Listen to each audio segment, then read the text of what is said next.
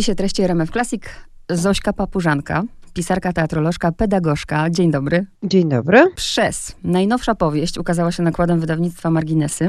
Kilka dni po premierze, bo 15 była premiera. Czy są już pierwsze recenzje, komentarze? Czy pani tego nie śledzi, nie zajmuje się w ogóle odbiorem? Są średnio. Recenzje się pojawiły y, bardzo wcześnie. Rzeczywiście ja no, odbiorem zajmuję się w takim stopniu, że on jest dla mnie interesujący z takiego punktu widzenia zawsze, że zawsze po każdej kolejnej książce się okazuje, że jednak ci czytelnicy myślą o moich bohaterach, czy o tym, co im się przytrafia, zupełnie inne rzeczy niż ja myślałam. Mhm. Mm, I to jest dla mnie bardzo interesujące i i dlatego te recenzje, y, jeśli są rzeczywiście, to czytam, bo to jest, y, no książka zaczyna żyć swoim życiem w momencie, kiedy ja ją oddaję do ręki mm, czytelników i ona rzeczywiście później mnie w niewielkim stopniu dotyczy. Dotyczy już ich, więc pozwalam na dużą swobodę interpretacji, która mnie cieszy. Natomiast y, nauczyłam się już mniej przejmować jakimiś indywidualnymi preferencjami, które najczęściej są utożsamiane ze słowem krytyka literacka, więc to, czy komuś się książka podobała, czy nie podobała w takim dość podstawowym wymiarze, to mnie, to mnie jakoś przestało już, przestało mnie to martwić. Po przeczytaniu wyciągam wnioski. Mm, dostrzegłam i zapamiętałam sobie bardzo uważnie spostrzeżenie zawarte przy okazji znanego autora, e, że jeśli jeszcze raz ktoś e, mnie spyta, dlaczego piszę, albo ile w pana prozie jest pańskiego prawdziwego życia, to obiecuję, że nie zapytam o to. Bardzo proszę. Jeszcze takie pytanie, dlaczego pani napisała tą książkę? To też jest ulubione moje pytanie właśnie albo czy długo pani pracowała nad książką. To też bardzo lubię. Okej, okay, w takim razie, ale zapytam o coś i wiem, że autorzy też nie lubią tego pytania. Ja sama jako czytelniczka nie lubię tego pytania, bo mianowicie, kiedy przeczytam jakąś książkę, no i nie wiem, czy ktoś widzi, że ją czytam, czy, czy widzi, że ją mam i jest pytanie, ale o czym to jest? Ja się zawsze zrzymam, no bo nie zawsze jakby treść czy fabuła jest jakby istotna. I mówię, no nie, nie, mogę ci powiedzieć, weź przeczytaj, bo no ale nie, no ale powiedz chociaż o czym w kilku zdaniach, prawda? I to mnie denerwuje, wiem, że autorów też, ale no takie są potrzeby promocji tej książki, żebyśmy chociaż tyle, ile oczywiście jest na okładce, mogły powiedzieć pani głosem. To można sobie przeczytać swoim własnym e, głosem, że jest napisane tam, że to jest książka, podobno, podobno książka o facecie, który mm, po pięciu latach nieobecności w domu wraca do miejsca, z którego kiedyś uciekł,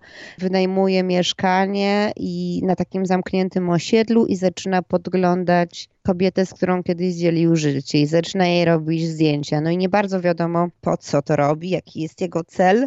Nie bardzo wiadomo na początku też w jaki sposób jest z nią związany. To dopiero później się tam w takich różnych, już się dowiedziałam, retrospekcjach i tam takich różnych rzeczach okazuje. No resztę już sobie trzeba przeczytać. No ale myślę, że to czytelnikom, słuchaczom wystarczy na, na, taki, na takiej zasadzie. On i ona, prawda, po rozstaniu, nie rozwodzie, on wynajmuje mieszkanie naprzeciwko i y, obserwuje ją. Dla mnie w trakcie czytania to coraz bardziej nie lubiłam tego bohatera. Pomyślałam sobie tak, przede wszystkim ma zaburzoną osobowość. Zachowania maniakalno-obsesyjne. Zaczęłam szukać w jego przeszłości czegokolwiek. Tam są dwa wspomnienia z jego bratem i z jego mamą, więc wiadomo, książka zbudowana jest z, z niedopowiedzeń zupełnie. Zastanawiam się, czy najpierw był pomysł na to, żeby przedstawić myślenie, nie wiem, o czasie, o koncepcji czasu, o ludziach i był pomysł na to, żeby przedstawić ich właśnie przez oko obiektywu, czy było odwrotnie? Y, byłabym bardzo skłonna pani odpowiedzieć, gdybym znała odpowiedź na to pytanie, bo ja y, y, mam już wystarczająco dużo takich zeszytów, w których piszę to, co chcę napisać, a nie mam takiego zeszytu, w którym piszę, najpierw pomyślałam o tym, potem pomyślałam o tym, teraz mi przyszło do głowy to. To nie mam. Nie mam czasu tego wszystkiego kontrolować. Nie mam czasu kontrolować sposobu, w jaki pracuję, bo mam tak mało czasu na, na samą pracę, która mi daje niesłychaną przyjemność, że już nie, nie, nie, nie analizuję jakby siebie podczas podczas tej pracy i nie wiem, co było najpierw, co było później. Nie potrafię na takie pytanie odpowiedzieć, przepraszam. To chyba wszystko jest jakby równocześnie, jest równoległe e, w mojej głowie. Tak jak.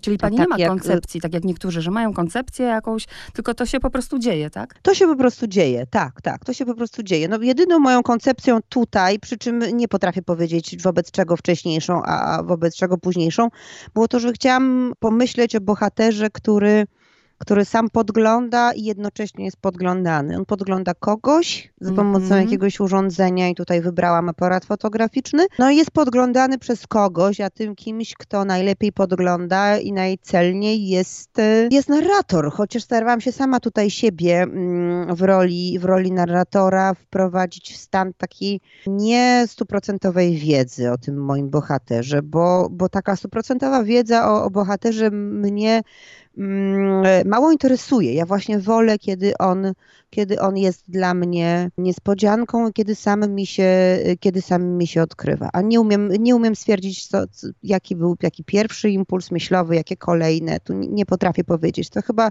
chyba wiele spraw się w mojej głowie rozgrywa równocześnie i chyba już się trochę do tego przyzwyczaiłam. Trochę mi odpowiedziała Pani na moje właśnie kolejne pytanie, bo w ogóle bardzo mi się spodobał ten pomysł. Jesteśmy gdzieś na setnej stronie, nie wiem, 120 którejś. I nagle pani udziela głosu narratorowi.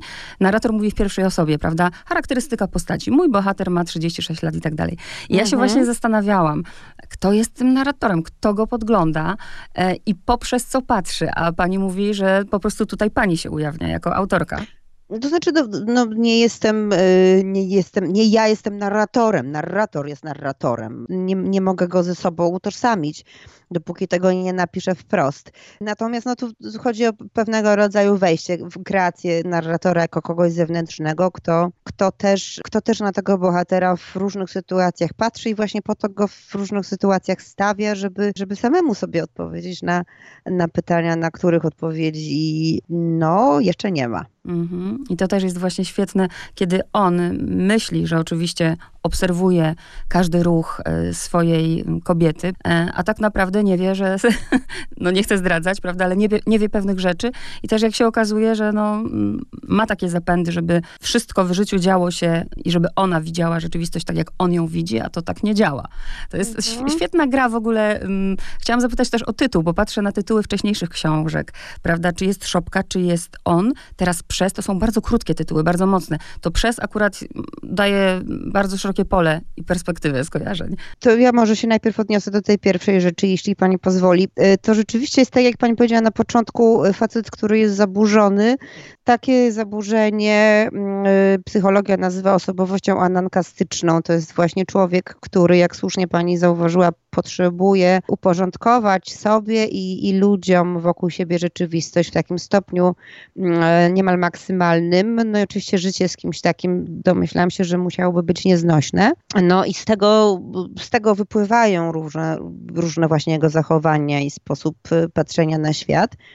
Z tej jego takiej potrzeby porządkowania, formowania świata i pewnej powtarzalności i domykania spraw mm, i zorganizowania sobie, sobie wszystkiego tak super precyzyjnie, narzucenia tego sobie i innym. E, Natomiast jeśli chodzi o tytuły, no to rzeczywiście ja mm, bardzo lubię krótkie tytuły, może dlatego, że że pamięć mi do tytułów szwankuje i, i książki jeszcze pamiętam, ale z tytułami filmów mam zawsze problem. Mm, e, I lubię, lubię krótkie tytuły książek, a poza tym lubię bardzo wyrazy, które są, które są wieloznaczne. Przypadku szopki i rzeczywiście teraz w przypadku tej ostatniej książki szukałam celowo takich wyrazów, które by wiele, wiele rzeczy mogły oznaczać. E, Tu jeśli chodzi o, o, o i jeśli chodzi o mm, opowiadania, to y, troszeczkę się musiałam poddać i y, tytuł nie, nie, nie, jest, nie jest takim tytułem, jaki ja planowałam, y, ani na powieść, ani na ten zbiór opowiadań. Myślałam o innych rzeczach. Mm, No ale tutaj to, to przez się od początku w wydawnictwie marginesy spodobało i właśnie wieloznaczność tego słowa, która zakłada i pewną perspektywę spojrzenia, i czas, który musi upłynąć, no i czasem też poczucie winy. Bo też tak Mhm, mówimy, tak. że to przez, przez kogoś albo Tak. przez coś się stało. Ja na początku przyznaję, że jak właśnie zobaczyłam książkę i oczywiście jeszcze nawet nie czytałam e, tego, co jest na okładce, to pomyślałam, jaki dziwny tytuł, jaki w ogóle też na ucho, nie? Trudny dla, dla kogoś przez w ogóle, ale jak przeczytałam tę książkę, to rzeczywiście tytuł jest świetny. Bardzo duże daje pole do, do rozmów. No i muszę zapytać o tę fog- fotografię. Pani tam dziękuję z tyłu oczywiście ludziom, którzy wyjaśniają pani te techniki fotografii, zgłębiają.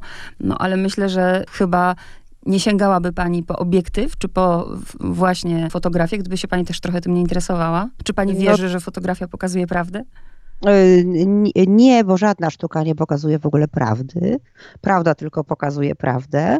E, natomiast myślę, żeby się pani zdziwiła, e, że ja w ogóle nie potrafię robić zdjęć. To znaczy nie robię ich, być może nawet potrafię, ale ich nie robię i robić ich nie będę. W ogóle się fotografią nie zajmuję. Tam to, jakieś takie zdjęcia, które robię na telefonie, to służą raczej udokumentowaniu rzeczy, których nie jestem w stanie zapamiętać. Natomiast fotografią y, nie, nie potrafię się zajmować i nie będę tego robiła i nie chcę. Ja się rzeczywiście musiałam dość dobrze przygotować do pisania tej książki, w tym, w tym znaczeniu, że przeczytałam wiele pozycji dotyczących przeróżnych technik fotograficznych i tych współcześnie wykorzystywanych, takich najnowszych i tych nieco starszych.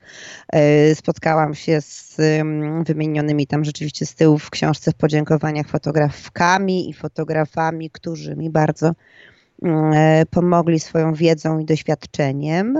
Również opisywałam ich zdjęcia, bo jest tam wśród nich jedna osoba, która użyczyła mi zdjęcia do opisu i te zdjęcia, które są opisane w książce, to wszystko są zdjęcia, które istnieją naprawdę. Ja żadnego z nich nie wymyśliłam. One wszystkie zostały ja je wszystkie widziałam i opisywałam mm. je dopiero, dopiero później. Natomiast ja nie jestem autorką żadnego z nich. Nie mam takiego oka, nie potrafię sobie z tą, z tą dziedziną poradzić i, i dlatego zostawiam to z wielką ulgą lepszym ode mnie. A to ciekawe, co pani powiedziała, bo ja przygotowując się do rozmowy, pierwszy raz w ogóle rozmawiamy, więc chciałam się zainteresować, kim jest Zośka Papużanka, więc przeczytałam wszystkie dostępne wywiady i kiedyś w jednym z nich pani powiedziała takie właśnie zdanie, że nie pisze pani o czymś, co się tak naprawdę nie wydarzyło, bo to byłoby nieinteresujące.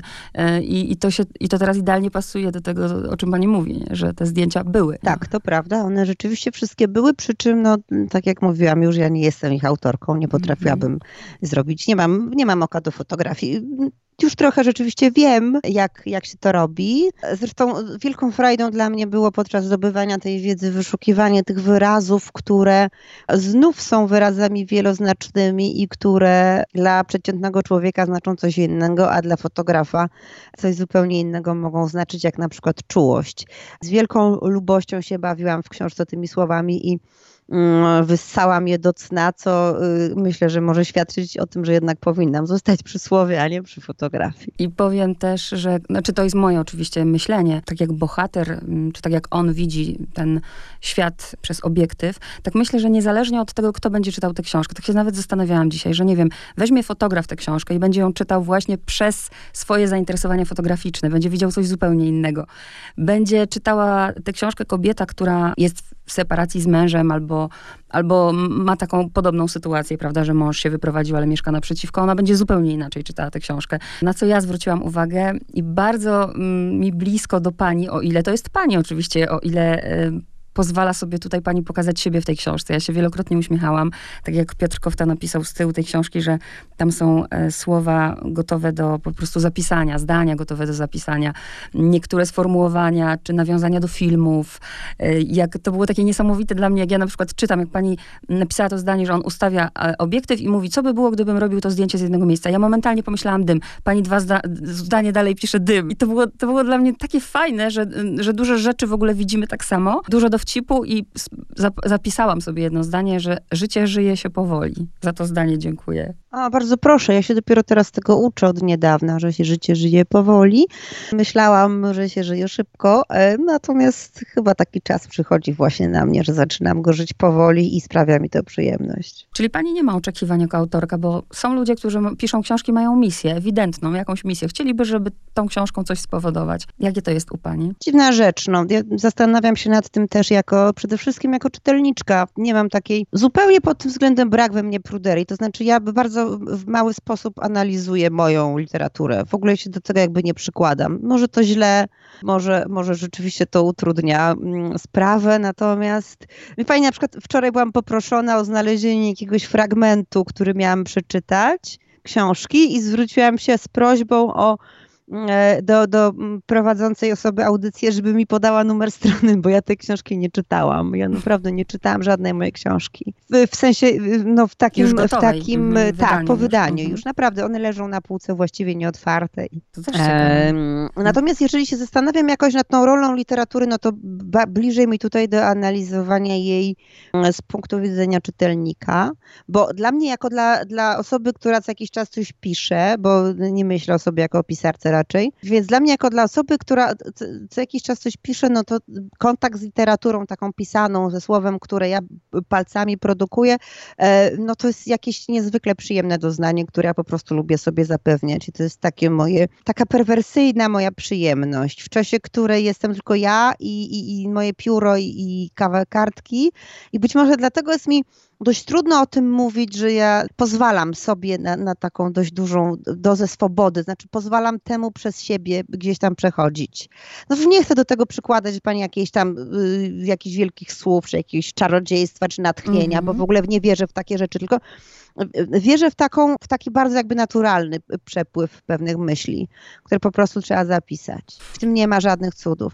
Natomiast jeśli, jeśli z punktu widzenia mojego jako czytelniczki, no to y, być może będzie znowu dość zaskakujące, y, co powiem, ale nie wierzę w to, że literatura ma jakąkolwiek funkcję poza estetyczną. Nie wierzę. Natomiast uważam, że funkcja estetyczna literatury jest funkcją na tyle wyjątkową i na tyle fascynującą, że warto jej poświęcić całe życie. Ale też ja rozumiem to, o czym pani mówi właśnie, że to, to się po prostu dzieje. Pani tak jakby wypisuje z siebie, prawda, te słowa, ale z drugiej strony, no musi być pomysł na kompozycję. Kiedy on się pojawia, że, że ubrała to pani właśnie w rozdziały dni tygodnia, w takie uporządkowanie? Gdzieś tam na którymś etapie pracy, nie wiem, pomyślałam sobie, no dobra, trzeba to jakoś podzielić, no to podzielmy to na dni tygodnia, ułóżmy sobie to na kartce, poniedziałek, wtorek, środa, dobra, kiedy przyjeżdża, co jest dzisiaj, to jest takie, takie działanie dość szybkie. Niekoniecznie pani od razu zaplanowane, ja naprawdę nie mam, nie mam całego pomysłu na książkę gotowego w głowie, kiedy, kiedy siadam do pracy. Wiem, że są ludzie, którzy mają i którzy uważają, że bez tego nie można y, bardzo ich szanuję i sposób, w jaki pracują. No i to, że wiem, że taki sposób istnieje, to w ogóle mi nie przeszkadza pracować tak, jak ja y, chcę i jak mój organizm, że tak powiem, tego ode mnie wymaga, bo ja po prostu właśnie z kolei nie, nie potrafiłabym w taki uporządkowany sposób się do tego zabrać. To jest jeszcze... dziwne, bo ja się do wielu rzeczy w życiu zabieram w sposób bardzo uporządkowany.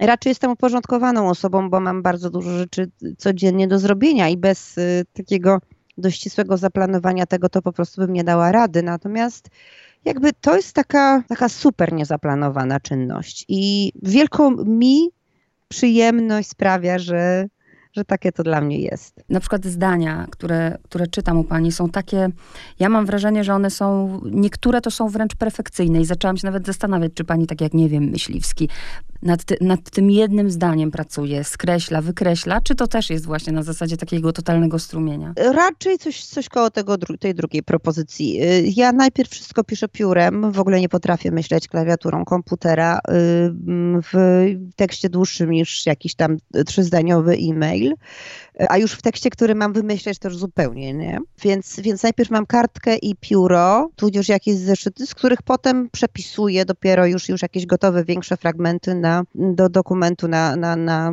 w pliku komputera. No i to przepisywanie już jest jakby pierwszą redakcją tekstu, bo ja wtedy jestem w stanie tekstu słyszeć, zobaczyć go, zobaczyć wyrazy w takim innym zestawieniu niż one są, kiedy są napisane atramentem. No i, i wtedy, wtedy nad tym tekstem pracuję, a później te obróbki redakcyjne, no to już aż tak wiele czasu nie, nie zabierają, więc nie jestem aż tak pracowita. I jeszcze, y, to już tak żartobliwie trochę, ale wiem, że pani też właśnie pracuje w szkole jako nauczycielka. Y, pani się wydaje taką nauczycielką w dobrym tego słowa oczywiście znaczeniu zwariowana, co absolutnie nie znaczy, że niepoukładana i tak dalej, bo raczej konkret. W głosie też słyszę ten konkret, ale, ale nauczycielki obdarowała pani um, filifionki, dwie siostry takie zupełnie nijakie, właśnie mm -hmm. tym zawodem i mówię, co za złośliwość czysta. Tak, i do tego one są polonistkami, właśnie. prawda? Bo to jest taka opinie o polonistkach, że to takie wieczne dziewice właśnie w pończochach, e, nudne jak nie wiem co, które potrafią tylko tego żeromskiego wałkować, tudzież ewentualnie orzeszkową od czasu do czasu.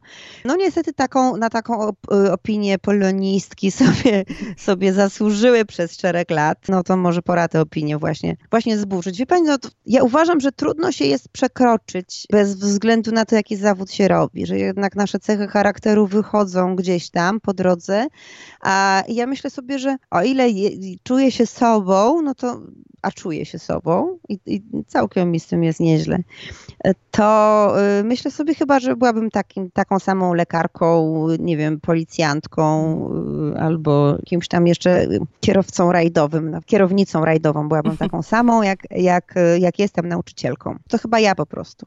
Myślałam też o tym, że nikt tam nie lubi dzieci. Narrator nie lubi dzieci, nie lubi dzieci bohater. One też nie lubią dzieci, nie? Się... Tak, tak. On się boi. On się przede Mhm. wszystkim boi mieć dzieci. No dlaczego? No bo dzieci są niespodzianką. Kiedy człowiek ma dzieci, no to, to cały świat mu się nagle musi przewartościować zupełnie i nic nie jest ważne. Nagle się okazuje, że, że to, co, to, co gdzieś tam sobie założyliśmy, że jest nasze, ten świat właśnie, który sobie zbudowaliśmy jako nasz, w momencie pojawienia się dziecka kompletnie się burzy. Trzeba zupełnie zrezygnować z siebie, jeśli się chce mieć dzieci. Dlatego są ludzie, którzy się nie, nie decydują, bo oni, bo to są ci mądrzy ludzie, którzy doskonale wiedzą, na przykład, że jeżeli się lubi spać do dziewiątej i tak bardzo się lubi spać do dziewiątej, że się nie potrafi z tego zrezygnować, no to się dzieci po prostu nie powinno mieć. Mhm. Dzieci się mo- może mieć wtedy, kiedy, kiedy się wie, że przyjdzie ktoś o piątej rano cię obudzić i po prostu nie będzie można spać do dziewiątej. On się tego boi, że, że y, i słusznie, że, że mm, jeżeli pojawi się dziecko w jego życiu, w jego małżeństwie, no to, to będzie coś, co, co będzie, czego on nie potrafi przewidzieć. On, on się boi niespodzianki, zaskoczenia, bo to byłoby coś, czego nie ma pod kontrolą, a Tak, tego tak, by sobie tak. nie wybaczył. Tak, on musi mieć wszystko skończone. To jest, to jest też ciekawe u niego. W ogóle dużo jest bardzo dużo spostrzeżeń. Mnie rozbawiłam sama, raczej ja siebie rozbawiłam. Powinnam się zastanowić nad sobą, kiedy w momencie, kiedy jej wypadają te śmieci, pierwsza rzecz, jaka mi przyszła do głowy, Boże, ona nie segreguje śmieci.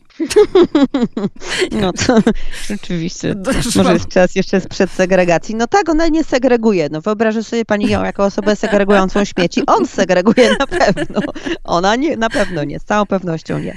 I ostatnie pytanie, takie, takie trochę z kosmosu, ale, ale mam ochotę je zadać. Przez co dzisiaj? Dzisiaj, ale w sensie nie, że dzisiaj dokładna data, tylko dzisiaj jako ten czas tu i teraz Zośka Papużanka widzi świat. Przez co? Przez czas. Lubię myśleć o świecie y, w perspektywie czasu. I czas jest też pojęciem w, w tej książce dla mnie bardzo ważnym. Mam nadzieję, że mi się to udało w Tak, jakiś sposób udało. tam pokazać. Przez czas i przez mój związek z czasem, który odczytuję jako związek też z taką bardzo daleką przeszłością, z jakimiś ludźmi, z których się wzięłam kiedyś, a zupełnie nie mam o nich pojęcia, z ludźmi mi bliskimi, którzy gdzieś tam też w jakimś konkretnym momencie mojego czasu są umieszczeni, tym, że widzę, że tego czasu jest coraz mniej i ja go mam też coraz mniej na pogodzenie się z tym, że jest go coraz mniej, no i, i tego się uczę. Nawet teraz patrzę, że to było jedno z moich pytań właśnie. Czy dobrze się domyślam, że pani jest, nie jest jakby wyznawczynią y, linearnej koncepcji czasu, tylko zapętlenia właśnie. Znaczy, jeśli chodzi o rzeczywistość, no to myślę sobie, że ona jednak płynie linearnie i to nie jest takie, nie, to nie jest takie do końca przemyślane chyba przez stwórcę.